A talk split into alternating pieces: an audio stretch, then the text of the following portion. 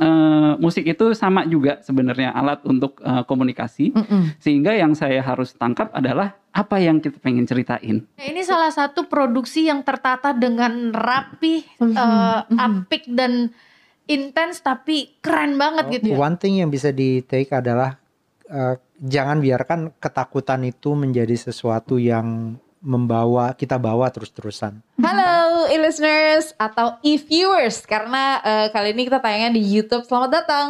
Dan hari ini kita akan berbicara ngobrol-ngobrol tentang film Indonesia baru yang berjudul Paranoia. Sudah hadir bersama dengan saya di sini ada Mas Riri selaku sutradara. Hai Mas. Halo. Apa kabar Mas Riri? Thank you. Aku inget banget ketemu Mas Riri promo film yang lain dua tahun yang lalu sebelum pandemi. Sekarang ketemu lagi. uh, untungnya bisa ketemu secara langsung mas. Kalau enggak nih kita pakai teknologi aja udah. Senang sekali. Iya makanya. Dan yang terus juga di sini ada Mbak Nirina Zubir. Hey, Mbak Nak, apa kabar? Hai, baik banget. Di bawah sepedanya, mana? kita mau ngobrolin yang lain apa gimana deh? Dan juga sudah hadir bersama dengan kita semua di sini. Ini nggak boleh salah nih ya. Ada Mas Arya Prayogi selaku penata musik dan juga penata suara dari film Paranoia. Hai Mas Ogi. Halo. Apa kabar? Baik, terima kasih. Ini menarik banget menghadirkan uh, salah satu orang yang ada di dalam sebuah produksi film yang mungkin selama ini nggak banyak orang yang uh, tahu atau mungkin uh, apa namanya si posisi penata suara atau penata musik tuh apa sih? Kita hadirkan kita bakalan kupas habis kali ini Mas Ogi ya gitu. Apalagi jam terbang Mas Ogi luar biasa. Tuh kan sampai jatuh nih grogi kita tuh. Oke okay, tapi sebelum ngobrol sama Mas Ogi ngobrol sama Mas Riri Mas, yes. film Paranoia ini uh, syutingnya tahun lalu, 2020. Tahun lalu November 2020 gila udah setahun ya. Udah setahun tahun. dan akhirnya ya. ya insya Allah tahu, uh, tahun ini 2021 bulan November tanggal 11 bakalan tanggal tayang 11. di yes. bioskop. Nah, Mas uh, kalau lihat dari produksinya setahun kurang lebih sampai akhirnya tayang, ini memang direncanakan akan ditayangkan di tahun ini atau memang produksinya panjang? Hmm. Jadi ini memang waktu yang kita sama-sama tahu, mm -mm. bukan waktu yang biasa. Dan segala segala apa yang kita rencanakan itu memang harus mengikuti juga perkembangan dari situasi pandeminya gitu. Sebenarnya tahun lalu itu mm. bahkan untuk bisa membuat paranoia itu adalah satu bayangan yang kita tidak perkirakan sebelumnya gitu. Kita nggak mm. pernah kita nggak pernah membayangkan masuk bulan masuk Maret kita tiba-tiba diisolasi semua, kita nggak iya. bisa keluar, kita kerja mm -hmm. dari rumah. Kita sempat menunggu mengerjakan banyak hal lain yang kita bisa di dalam rumah gitu mm -hmm. dari rumah. Mm -hmm. Sampai akhirnya di bulan Juni lah kita berencana membuat ini. Tadinya oh. kalau selesai tentu saja kita tadinya berharap pandeminya seperti biasa kan waktu itu mm -hmm. ramalannya banyak. Oh bulan Juli bakal turun, bulan September, mm -hmm. bulan ini. Uh, sampai akhirnya ketika tanda-tanda vaksin udah mulai muncul, perkiraan kita awalnya tadi mestinya bulan-bulan Mei udah bisa main film ini udah udah siap gitu ditayangkan mm -hmm. tapi karena kondisinya tidak menentu kemudian uh, kita tetap pengen banget film ini main bi di bioskop mm -hmm. ya, karena menonton di bioskop mengalaminya di bioskop itu paling ideal untuk paranoia so oh, okay. akhirnya kita tunggu sampai waktu yang tepat dan udah sekarang ini kita udah ketemu tanggal yang udah cukup fix gitu. Uhuh. Sebelas, sebelas, sebelas tanggal cantik tuh. Ada diskon di mana-mana juga, oh enggak ya? Enggak, tapi uh, ini jadi tanggal yang pastinya semua orang udah tunggu-tunggu juga karena kalau dilihat dari aku sempat ngikutin uh, postingannya Mas Riri, Mbak Bana sih paling sering waktu syuting, bahkan lokasinya juga nggak di uh, mention dan ada juga treatment khusus gitu maksudnya uh, karena memang menghindari kerumunan juga dan mungkin menjadi secluded lah istilahnya gitu ya. Yeah. Dan sekarang nih kita bakalan tuh moment of truth bakalan kita nonton langsung di bioskop. Nah, Mas Riri, kalau dari judulnya paranoia, terus orang banyak yang nebak-nebak nih mas, eh, genre film ini. Ada yang bilang ini horor kah atau ini cerita ketegangan atau gimana gitu. Bener gak sih mas kalau uh, genre film ini adalah drama thriller? Yes, ini kalau sebenarnya oke okay, tepat banget tetap disebut drama thriller gitu, mm -hmm. drama thriller. Jadi Sebenarnya film ini berkisah tentang bagaimana ada uh, ada seorang ibu dan anak remajanya yang hmm. dihantui oleh kegelapan dari masa lalu mereka, tetapi terjadinya di masa pandemi. Karena pandemi ini adalah sebuah situasi yang bagi kita semua itu sesuatu yang kita tidak bayangkan kayak apa harus berhadapan dengannya dan justru eh, sejarah atau kisah gelap dari masa lalu mereka itu datang meng- mengejar mereka. Mereka mencoba lari gitu ya. Eh, perasaan yang dilawan itu sebenarnya rasa takut gitu ya. Not necessarily the orang yang mengejar tetapi rasa takut itu sendiri sampai akhirnya mereka harus menghadapinya gitu. So Oke. ini bagaimana tentang bagaimana perasaan takut itu adalah sesuatu yang mungkin hanya akan berhenti ketika kita putuskan untuk hadapi. Mhm, So, wow, seru banget that's nih. the idea. Nah, kalau dilihat dari genre filmnya, drama thriller dan mungkin eh, orang mengenal eh, Mas Riri dan karya-karyanya agak berbeda nih, Mas. Apakah ini genre drama thriller pertama yang dibuat atau sebelumnya pernah bikin yang berbeda dari kayak drama percintaan dan sebagainya gitu, Mas? Iya, think so. Uh, Kalau yang tipenya seperti ini, sepertinya baru pertama. Sebenarnya kita pernah membuat uh, kalau tahun 2014 itu pernah bikin Pendekar Tongkat Emas. Itu sebenarnya film action ya, lebih kayak action uh, film laga gitu. Iya. Uh, jadi uh, jalan menuju ke sini juga sudah ada. Tapi saya juga because I study film, belajar film dan mencoba selalu suka menikmati berbagai jenis bentuk dan gaya film. Uh, keinginan untuk mencoba teritori yang baru itu selalu ada karena ya kalau kita di di belajar film itu kita nonton misalnya film-film Stanley Kubrick kayak The Shining gitu. Terus saya juga suka banget film-filmnya Coen Brothers. Salah satu yang paling bagus itu uh, No Country for Old Men gitu misalnya.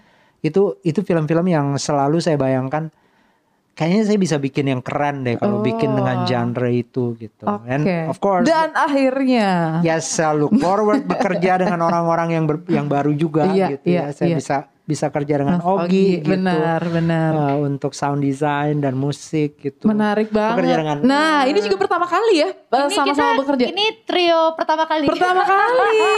wow, ini seru banget Mas. thriller. Nah, ini pertama ya mungkin ini genre pertama kali yang Mas Riri eh, garap filmnya yang dihadirkan ke penonton film Indonesia dari karya-karya sebelumnya yang udah dibuat. Terus juga bersama dengan cast salah satu castnya baru pertama kali bekerja sama sama Mas Riri, Mas Ogi juga.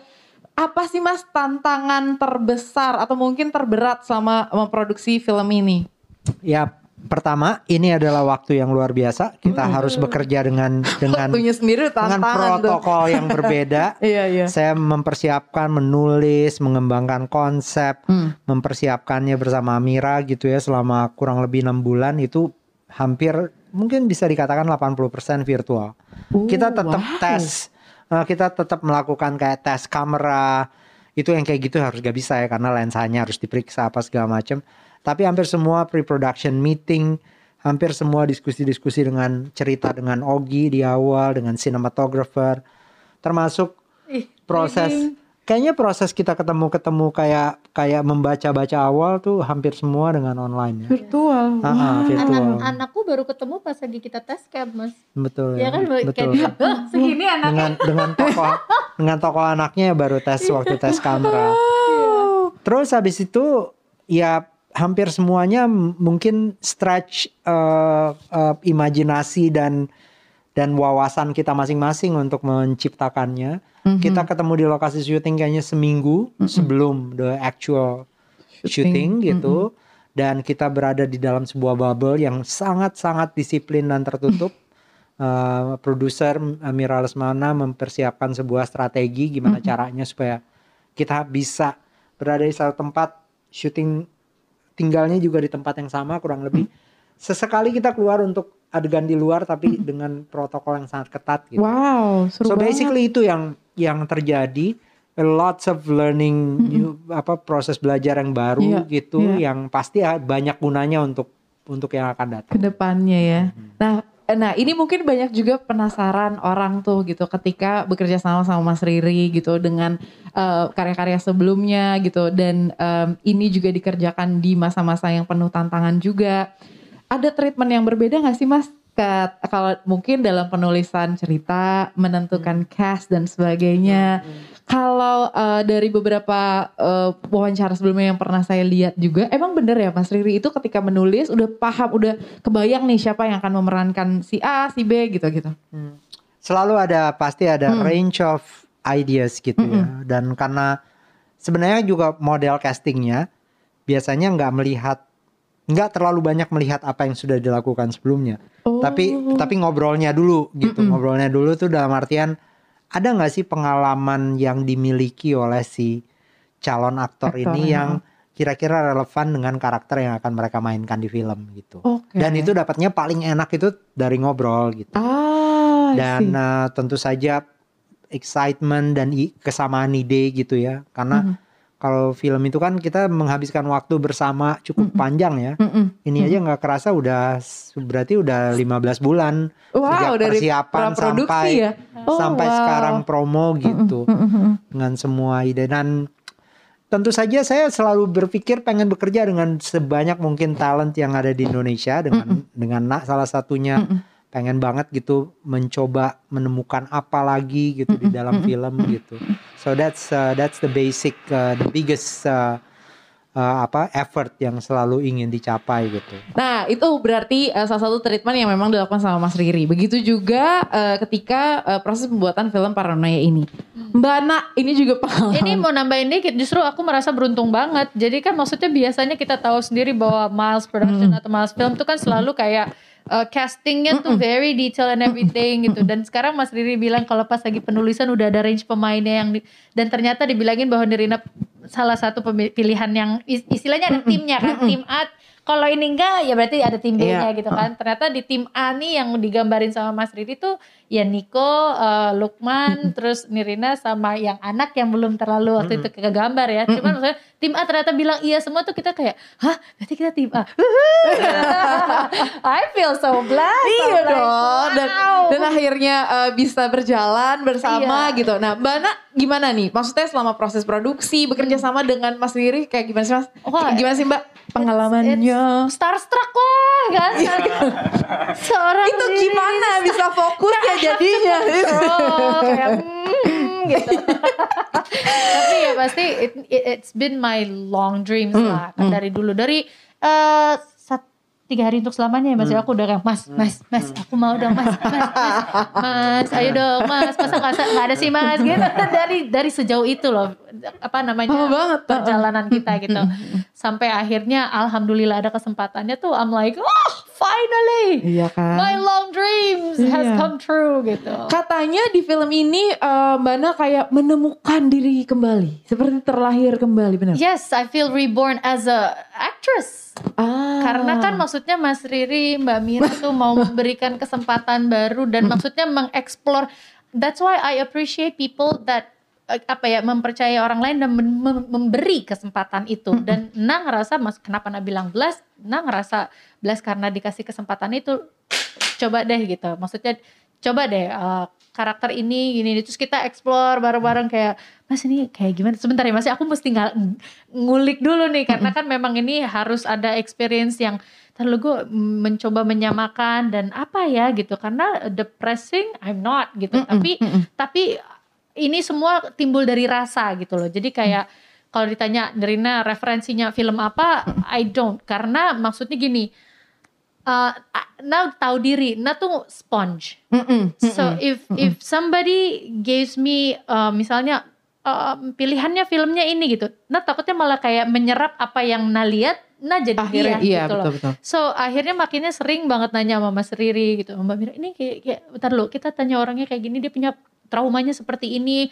uh, masa Hmm. lalunya gini gini gini gini gini I'm like oke jadi kita banyak cerita banyak nah banyak denger dan banyak tukar pikiran gitu jadi Hmm. akhirnya yang keluar dari permainan untuk si Dina ini Hmm. adalah fully rasa yang kita gali diolah gitu. sendiri gitu ya Mm-mm. hasil eh, apa namanya ngobrol-ngobrol dan Iya. akhirnya dieksplor bareng-bareng. ditambah lagi musiknya juga Nah, nih ngomongin tentang eh, musik juga Mas Ogi ini pertama kali ya bekerja sama dengan Yes, eh, betul. Mas Riri Kita- kita gitu ya. sama-sama pertama kali. Oh, sama-sama. Luar biasa banget. Mas, eh, sebelum kita eh, ngobrolin tentang apa yang dilakukan selama bekerja sama dengan Mas Riri, eh, di sini sebagai em, em, sound engineer untuk filmnya, sound designer, Iya. penata musik dan juga Iya. penata suaranya. Iya. Mungkin orang eh, atau mungkin di sini beberapa ya- beberapa orang yang nonton belum familiar dengan eh, profesi ini. Padahal dalam sebuah produksi film ini adalah salah satu kuncian gitu ya. Selain sutradara, aktor dan semuanya, semua elemen dalam film itu penting semua gitu dan ini juga salah satu yang akhirnya membuat orang punya pengalaman setiap nonton film. Mas, boleh dijelasin gak sih Mas, apa sih sebetulnya yang dilakukan sebagai eh, seorang sound designer dalam sebuah film? Ya, kal- kalau sound designer, eh, jadi sebenarnya eh, sesuatu yang kita dengar pada saat kita nonton film itu semua dimaksudkan dan didesain. Jadi ketika kita nonton terus misalnya ada bunyi jangkrik, itu bukan berarti bunyi jangkrik yang tertangkap pada saat syuting gitu. Itu itu memang didesain gitu. Kita kasih di sini emang kita butuh jangkrik karena misalnya lokasinya di mana, mau menggambarkan apa. Terus misalnya ada bunyi cicak, bunyi tokek, terus misalnya bunyi eh, langkah kaki gitu. Itu semua didesain. Jadi eh, yang dari lapangan yang dari mereka pada saat syuting biasanya yang eh, tertangkap tuh hanya dialognya difokuskan ke dialognya tapi selebihnya dari itu yang kita nggak nggak nggak kita perhatiin sebenarnya kan kayak Iya. langkah kaki Heeh, atau heeh. pergerakan baju Iya. gitu ya itu semua dibikin Desain. Iya, Oh, gitu. Jadi Oh. kalau lagi ada suasana sepi, misalnya di ruangan tertutup, kemudian orang yang bergerak gitu ya. Mm-mm. Itu untuk menggambarkan bahwa suasana ruangan itu sepi, kita isi bunyi eh, pergerakan baju sehingga kayak oh karena su- su- eh, ruangannya sepi, baju aja sampai Bisa kedengeran kedengeran gitu gitu. ya. Tapi Oh, kalau lagi oke. di luar misalnya, mm-mm. ya itu kita nggak kasih karena pasti kalah dengan bunyi mobil misalnya atau bunyi yang lain gitu. Jadi Oke. eh, sound design itu seben- sebenarnya adalah eh, tools untuk bercerita gitu. Jadi Oke. eh, yang dimaksudkan untuk ceritanya itu apa? Nah, eh, sound itu mensupport hal itu dan semua tuh didesain, bukan kayak seolah-olah yang dari lapangan bunyinya seperti bocoran bocoran. Kayak suara tadi itu Mas, bukan ya? Iya. gitu.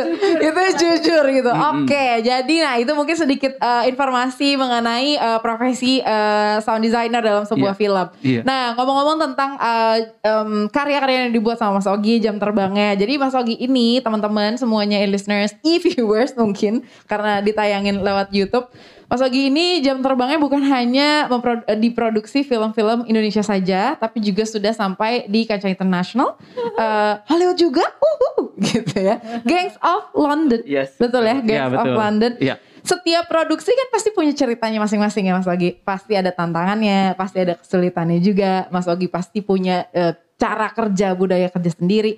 Seperti apa pengalaman bekerja sama dengan Mas Riri? Gimana caranya meyakinkan seorang Riri Riza untuk kawin? Kan harus kawin ya, maksudnya supaya harmonisasinya bisa berjalan dengan baik gitu. Betul betul. Iya, pengalaman kerja pertama sa- saya sama eh, Mas Riri memang salah satu usaha saya eh, untuk ngehandle project ini itu saya berusaha paham apa yang ada di kepala eh, Mas Riri gitu. Jadi kunci utamanya sebetulnya itu kayak kita tujuannya kan sama, bikin film yang sama, berarti saya harus paham nih yang pengen dibikin apa gitu. Jadi itu yang saya gali gitu ke Mas Riri gitu. Jadi di awal eh, saya sangat beruntung diajak pada saat skripnya aja belum lock gitu ya. Jadi kayak kita bisa ngeramu bareng-bareng Oke. eh, dari sinopsis kita obrolin gitu. Nah di situlah saya mencoba menggali informasi terhadap film ini gitu. Kayak ya masing-masing karakter gitu. Karakternya Nirina tuh seperti apa backgroundnya seperti apa gitu. Jadi obrolannya tuh bukan teknis musik ya mas ya. Kita nggak ngobrolin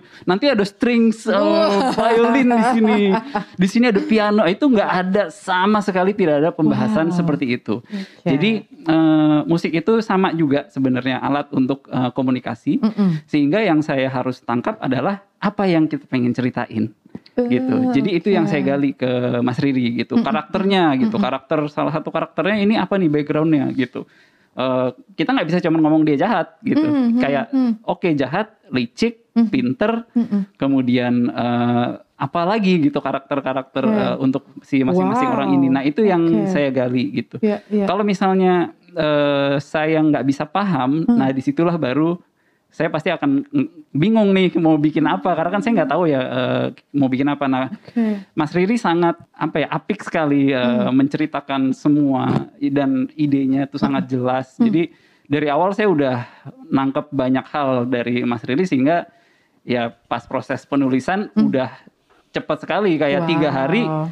saya bisa nulis tujuh musik Wow. tujuh tema gitu dalam waktu tiga hari. Karena memang idenya kita gali di awal dan kita kita sama-sama. eh, ya. di awal Wow, itu jadi keren. rasanya tuh penuh. Jadi kita tuh ketuleran semua gitu Iya, dari iya, rasa iya, iya, itu betul gitu ya. heeh, gitu. Jadi Keren. selama selama eh, saya bisa pahamin apa yang di- ada di kepala eh, Mas Riri dan sutradara gitu ya. Jadi eh, itu pasti akan proses penulisannya lebih cepat gitu Se- Sebenarnya tuh yang men- menyenangkan kita tuh semua pembuat film kan. Kita semua sepakat bahwa ini film yang kita ingin ber- buat bersama gitu. Karena tidak mungkin film itu bisa baik nomor satu tanpa skrip yang Betul. Kuat. selesai dan jadi dan matang gitu. Tapi bagaimana skrip itu bisa jadi itu perlu kontribusi pemikiran dan dan saya juga punya maksudnya Ogi ini pengalamannya banyak banget Mm, gitu mm, dan mm. bekerja dengan orang-orang yang juga saya kagumi karyanya, saya suka karya dia sebelumnya gitu. Jadi saya Mira selalu berpikir bahwa kita harus kita harus extend atau mengembangkan diri kita juga dengan dengan dengan bekerja dengan orang-orang yang pasti bisa memberi kontribusi terhadap film. Dan mudah-mudahan ini awal yang yang bagus gitu ya dan kita masih punya years to come to create more a better dan lebih film yang lebih baik lagi, yang kualitasnya lebih tinggi lagi gitu Benar. karena karena memang proses itu sangat penting untuk bisa menghasilkan karya yang baik gitu. Itu yang paling Oke. penting. Mungkin ini ya Mas ya pe- eh, apa eh, radiusnya yang lebih luas lagi daripada 12 km yang kita punya. Itu adalah kita kan Oh, production. Iya iya iya Jadi iya. radius iya. dari tempat kita tinggal Heeh. ke lokasi syuting semua aja tuh radiusnya 12, 12 km. Wow. Gak boleh ada yang masuk, gak boleh ada yang keluar. Gak bisa ada yang keluar. For itu juga jadi pengalaman yang menarik ya Mas ya. Maksudnya ini juga jadi cerita lain dari film Bondingnya ini. luar Timnya biasa. luar biasa Da- banget. dan sebenarnya membuat kita belajar sih bagaimana berproduksi juga karena Iya. mungkin di masa depan kita bisa memanfaatkan pengalaman ini untuk menjadi lebih efisien juga memanfaatkan lokasi lebih baik gitu. Oh, so I think banyak hal deh yang Iya, iya, yang, iya.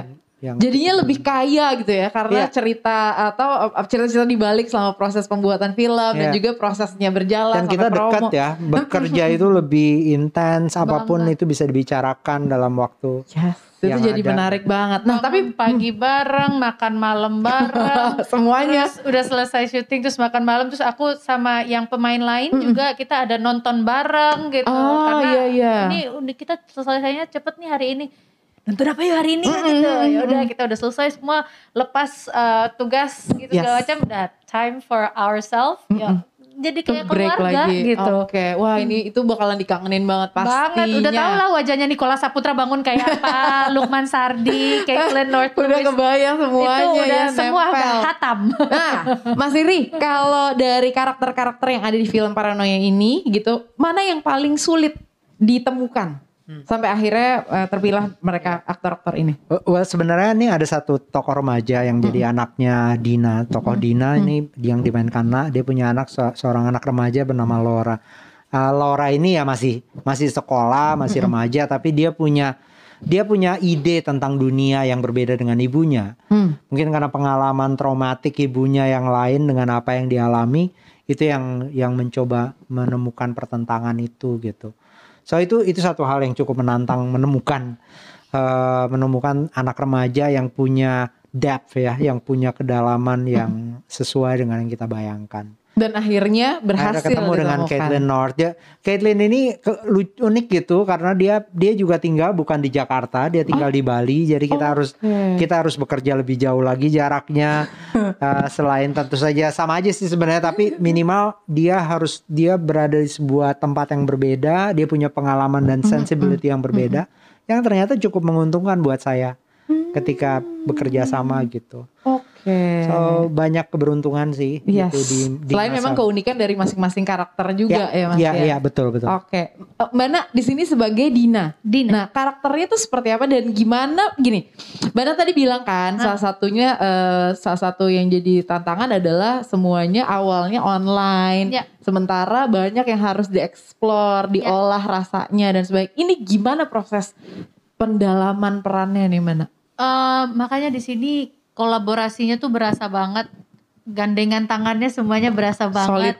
Hmm. jadi kayak eh, di sini tuh two way conversationnya terjadi gitu loh. Maksudnya kan eh, di luar maksudnya siapa yang menjadi director siapa yang menjadi producer siapa yang jadi tapi tetap yang kalau kita berdiskusi tuh ya dua arah sampai Hmm. dan bahkan sampai ke sedetil rasanya pun kayak oh oke gitu. Jadi makanya butuh waktu buat Nirina tadinya untuk mengeksplor mencari rasa mencari parno selevel apa nih? Terus trauma selevel apa gitu? Se- segelap apa sih masa lalunya dia gitu? Jadi nah karena sering ngobrol dan bolak balik diskusi tuh akhirnya kayak pokoknya setiap lagi syuting segitu mas segitu. Nemu ya. Mas, pokoknya ayah, nah kayak ya maksudnya ibaratnya kayak tamu nyari jalan gitu nggak mau sesat gitu kan. Jadi bener-bener always have to ask always I'm always an empty cup. Jadi bener-bener Iya. nanya bener-bener nanya terus gitu segini kah? Se eh, lebih lagi kah? Atau atau apa nih? Gitu. Jadi emang rasanya dari pertama walaupun kita online apa segala macam sih memang dari situ udah depth banget Oh. Dan dan wow. sebenarnya tokohnya juga tokoh yang selalu bergerak kan. Jadi iya orang yang tidak pernah betul-betul settle di satu tempat. Ya. Feel-nya tuh kayak gitu. Mhm. So itu mungkin menguntungkan untuk dibuat di masa kayak kita sekarang atau kayak Iya. tahun lalu di mana kita tuh nggak pernah betul-betul pasti kan apa Betul. yang akan kita hadapi sebulan Iya. ke depan Iya. Iya. karena riset tentang COVID itu belum selesai. belum ada tuh yang namanya vaksin. Vaksin. Nggak belum ada. Heeh. Belum ada. Tahun lalu ya. Yes. Betul, belum belum ada pola yang Ih, gila tegas sih. bagaimana kita harus menjalani hidup kita gitu. Yang ada yang kita tahu kita harus sangat berhati-hati. Iya. We have to hindari orang, pertemuan dengan iya. orang gitu tuh Iya. yang itu kita kita itu itu a breath of fresh of fresh air banget karena kita bener-bener kan di bubble banget kan Mm-mm, mm. radiusnya segitu jadi kayak buka masker pada saat itu tuh udah kayak oh my god Ah, kita gitu. masker. Nah, kebebasan gila ya. Karena iya kita sih di kebayang dalam sih tahun kan. lalu tuh lagi tegang-tegangnya Iya. semuanya. luar di luar itu jangan berani apa tapi begitu kita di dalam bubble itu oke. Wah. Kita kayak kayak tim basket di atau tim sepak bola di mana gitu yang benar semuanya di bubble gitu. So, Oke. Iya. Berarti emang emang waktu itu juga ada alasan ya Mbak Na, ketika emang nggak ngasih tahu lokasinya di mana sebagainya karena untuk Iya, menjaga. karena tempat itu sebenarnya juga tempat yang sering didatengin orang-orang sih gitu. Jadi bahkan waktu itu ada beberapa grup yang mau datang untuk eh, mereka mau surfing di situ gitu. Terus ke- si untung orang hotelnya juga kooperatif sekali ya. Jadi bener-bener kayak sorry ini lagi ditutup gitu. Jadi Oh. mereka lagi bawa papan surfing yang "Hah?" Terus kita lihat mereka balik badan gitu kayak oh too bad I'm sorry. Tapi kan demi karena keselamatan semua. itu juga dan itu kan bukan satu hal perkara yang sederhana Oh, kan it's gitu Not. It's Ya, Iya butuh kan, persiapan maksudnya yang cukup panjang. betul, persiapan dan ketika ngejalannya juga satu hal yang sulit Aku tuh banget. merasa ya ini salah satu produksi yang tertata dengan rapi, Mhm, eh, mhm. apik dan intens tapi keren banget gitu. Iya, Jadi iya. kayak kita tuh bener-bener pa- jalurnya tuh ya yang aku rasain gitu. Kayak pemain tuh bener-bener efisien banget. Pemain ya udah pemain segitu kan. Tapi siapa misalnya ada lagi pemain yang lain mau datang, Hmm. di make sure mereka datang syuting syuting syuting, dah terus mereka keluar lagi. Hmm. Jadi rapi banget. Jadi aku kayak ngeliat mereka datang, hai, ada ketemu muka baru gitu kan. Sebulan soalnya kan, Betul, nggak iya ketemu. iya aku lihat Ketemu, tuh eh, apa kabar gitu. Cet, tiba-tiba eh mereka udah pulang. Huh? Ya, Cepet selesai banget, syutingnya. iya, gitu. benar-benar. Oh, oke oke. Jadi benar-benar emang orang-orang yang ada kepentingannya di situ, orang yang memang menjalankan uh, tugas ini semuanya dilakukan secara profesional, tapi feel-nya kayak keluarga ya, Iya. sama-sama bekerja sama itu gitu. juga challenge-nya untuk akhirnya main sama Lukman sama eh, sama Nico sama Caitlin untuk berada di film ini yang penuh dengan keparnoan, penuh dengan ketakutan, tapi sementara kan kita habis nonton bareng ya tadi malam ya. Balikin lagi. Balik lagi dia. profesional, profesional.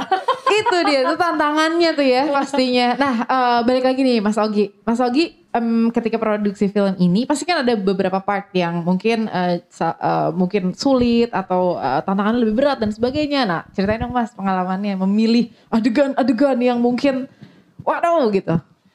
Iya, nah itu ada ya, seperti yang tadi sebelumnya Hmm. saya bilang gitu ya, ada ada memang ada sih eh, satu scene gitu ya di Hmm. film ini yang kita bertiga sebenarnya eh, saya Mas Riri sama Mbak Mira waktu itu kayak ini scene diapain ya? ya itu kan ada kayak ada satu kayak ini kok kayak ada yang salah gitu. Kayak eh, waktu itu juga eh, sempat saya sampai research untuk musiknya tuh seminggu saya research, tiga hari saya bikin tapi kok masih nggak enak gitu. Kayak kita belum dapat nih piece Masih berasa puzzle-nya. Iya ya? masih ada. Wow. walaupun karena kita pada saat itu kayak kita masih agak bingung nih di, nih, ini arahnya mau ke mana untuk scene ini gitu. Itu saya waktu itu abisin eh, kayak mungkin ya total 14 hari lah untuk satu scene itu doang gitu ya. Wow. terus eh, satu scene itu doang kita nggak dapet nih puzzle-nya gitu. Terus saya udah bikin saya saya saya eh, presentasiin gitu ya. Terus pas ditonton kayak ini oke sih tapi kok kayak belum pas gitu? Kok kayak belum pas gitu? Terus eh, tiba-tiba saya kayak oh tahu nih jawabannya gitu. Ya udah makan siang dulu deh pada pada keluar dulu deh gitu kan. Pada keluar dulu pada keluar dulu terus segala macam. Terus udah saya coba dari kiri kanan tet, tet, tet, tet, tet. belum mulai makan udah jadi nih gitu kan.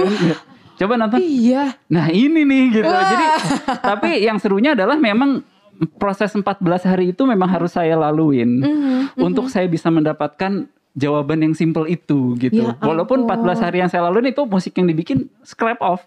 Wow. Nggak dipakai sama sekali. Harus melalui 14 hari sampai akhirnya makan siang bareng Mas Ogi. sebagai solusi ya. iya gitu. Sebagai solusi gitu ya. Itu Mungkin ada. suara sendok dan piring gitu. Kasih inspirasi akhirnya. Ada. wow, Akhirnya akhirnya jadi. sampai tuh puzzle-nya ketutup. ya, Puzzle-nya Mas ya. bisa ketutup dan jawabannya Nice. malahan ternyata sangat simple gitu. Jawabannya sangat simple sekali. Tapi memang kadang ada gitu eh, hal-hal yang ya harus dilaluin gitu. Proses-proses yang harus dilaluin. Karena karena bikin film adalah sebuah proses gitu. Iya, Semuanya tuh iya. proses nggak bisa instan gitu. Iya, kita benar, kita kayak kayak di awal pre-production itu kita harus hadir semua harus present. Kita harus tahu sinopsisnya, obrolannya segala macem gitu. Benar. Itu kita harus hadir Ya, nggak bisa saya- cuman instan lah gitu. Saya saya senang banget bahwa ka- kayaknya di kolektif atau kolaborasi membuat film itu semua ad- seharusnya kita punya kesempatan untuk menjadi diri kita, Mhm. tetapi pada saat yang sama juga jadi berbagi dengan yang lain gitu. Dan eh, di antara banyak teman-teman yang bekerja membuat film sekarang ini kan saya sama Mira gitu merasa kita tuh udah termasuk senior gitu ya karena udah 20 tahun gitu ya. Terus habis itu rasanya tuh kayak setiap kali kita ketemu teman-teman yang baru kayaknya kita masih belajar gitu. Oh, oke. So that's the most Wow. uh, dan bukan itu bukan kayaknya ya tapi factual Mhm, faktanya gitu gitu. Ada tiba-tiba ada pengetahuan baru yang Mm. terus-menerus kita dapat gitu. Wow. Uh, di sini tuh dengan sinematografer saya baru pertama kali juga bekerja dengan DOP Theo Gaihian namanya. Mhm. Dia sering bekerja untuk film-filmnya Yosef Angginun dan Hmm. beberapa sutradara Asia Tenggara gitu. Itu juga gitu tentang pencahayaan Iya, ya, iya. tentang gerakan kamera gitu ya, tentang komposisi gitu.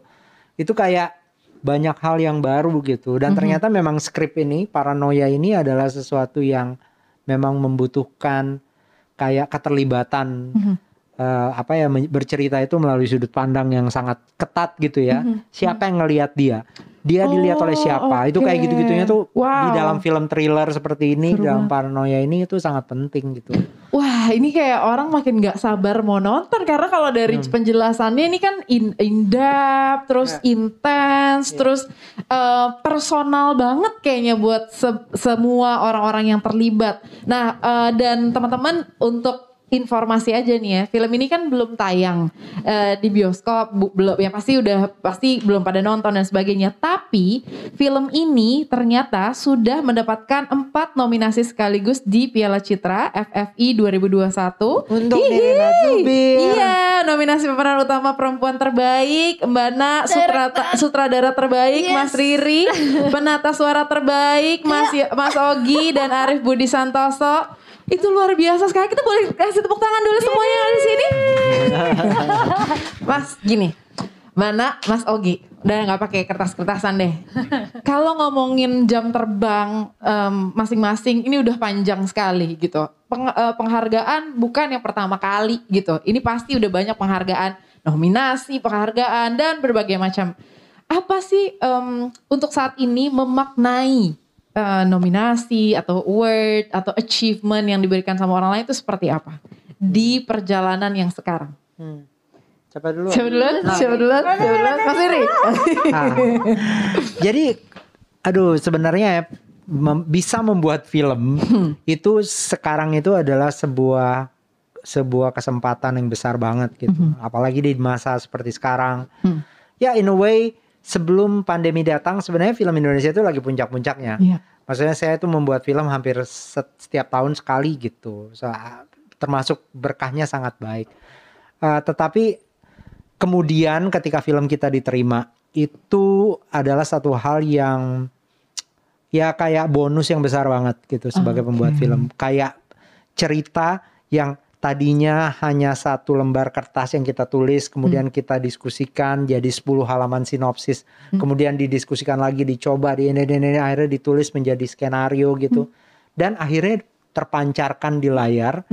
Itu kan sebuah perjalanan yang kadang-kadang kita tersesat, kadang-kadang kita nggak ngerti, aduh gimana ya, oh, atau kadang-kadang kita surprise. Saya misalnya kayak sama Ogi, saya suka menceritakan bayangan saya tentang apa yang terjadi, dan eh, kayaknya teman-teman semua paham apa yang saya mau. Tapi sebenarnya to be honest with you, waktu kita syuting, saya tuh kadang-kadang masih merasa kayak gini bukan sih gitu.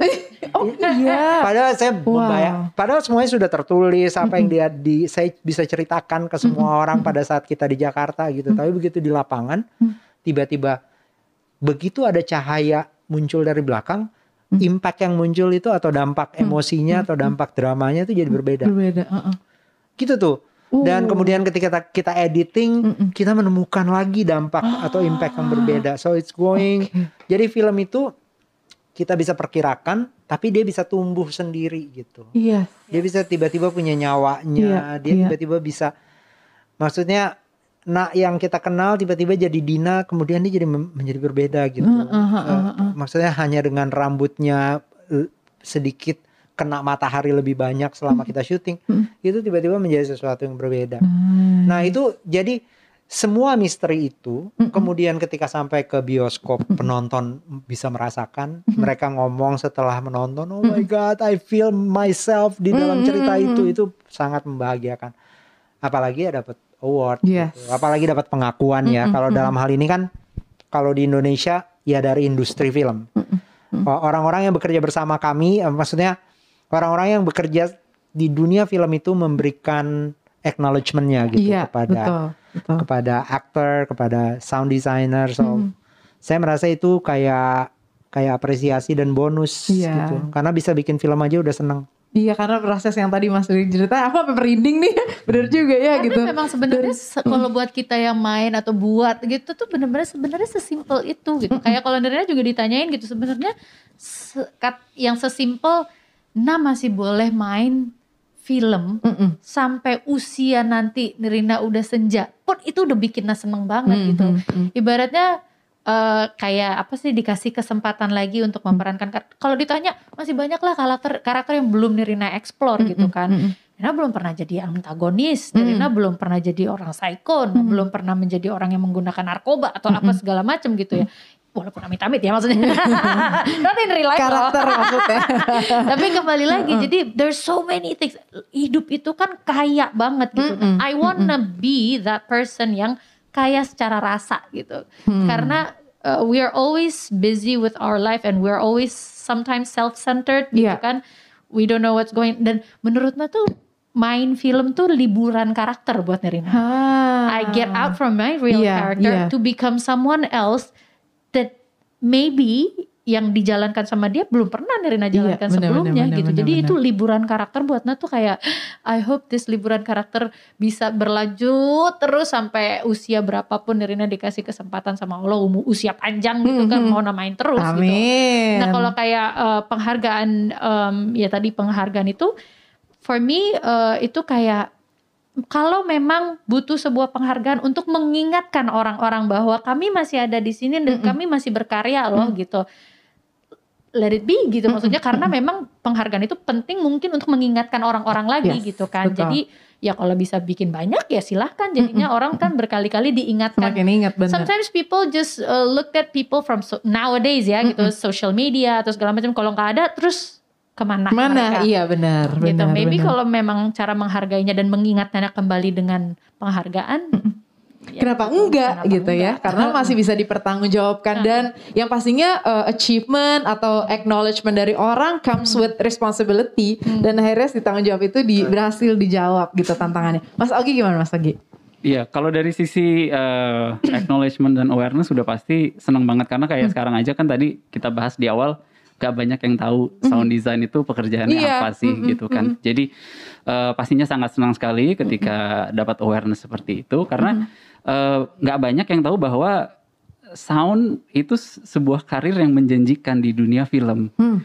gitu. Nggak banyak pelaku-pelaku di industri yang betul- betul-betul mengerti Fokus. sound, fokus ke sound gitu. Apalagi sebagai foley artist, kita nyebutnya foley artist. Foley artist itu yang tadi saya bilang baju tuh direkam di depan mikrofon, footsteps kita ulang lagi, kemudian ngambil gelas gitu kan, eh, naruh piring apa dan lain sebagainya.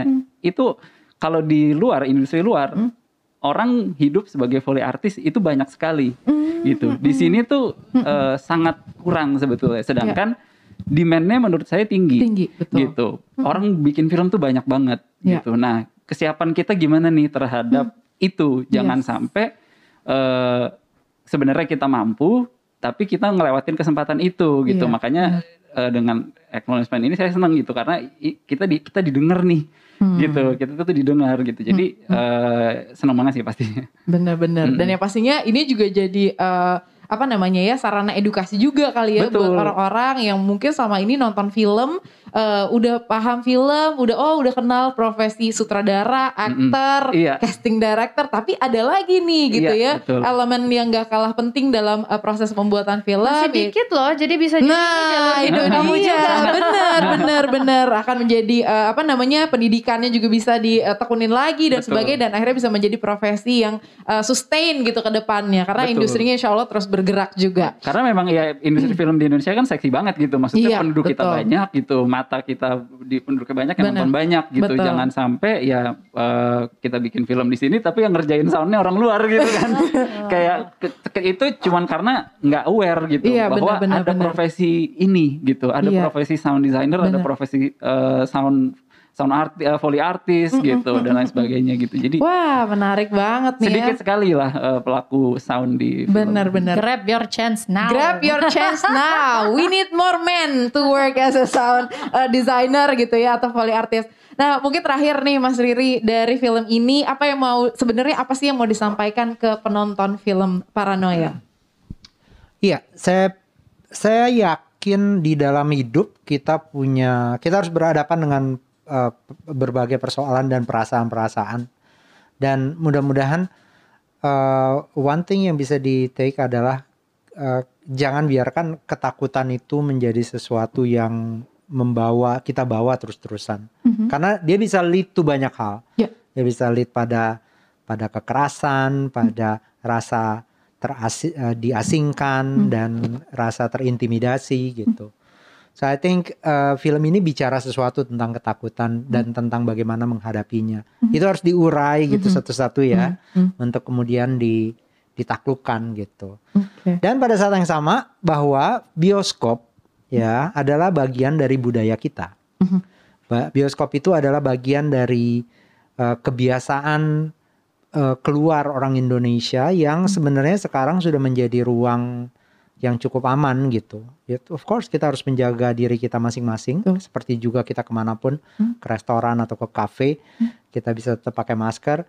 Tetapi menonton paranoia di bioskop mudah-mudahan akan memberi pengalaman yang baru dan um, akan enlighten your day gitu Yeah. ya, uh, yang memberi kita uh, perasaan ingin lebih dekat lagi dengan keluarga kita, dengan orang-orang yang kita kasihi. Mhm. Dan momentumnya tepat banget nih ya di saat semua banyak pelonggaran dan sebagainya. Film ini uh, muncul insya Allah minggu depan tanggal 11 November 2021 udah bisa ditonton. Bana terakhir untuk teman-teman yang nonton uh, tayangan ini gitu ya pesannya dari uh, karakter Dina Bana untuk film Paranoia.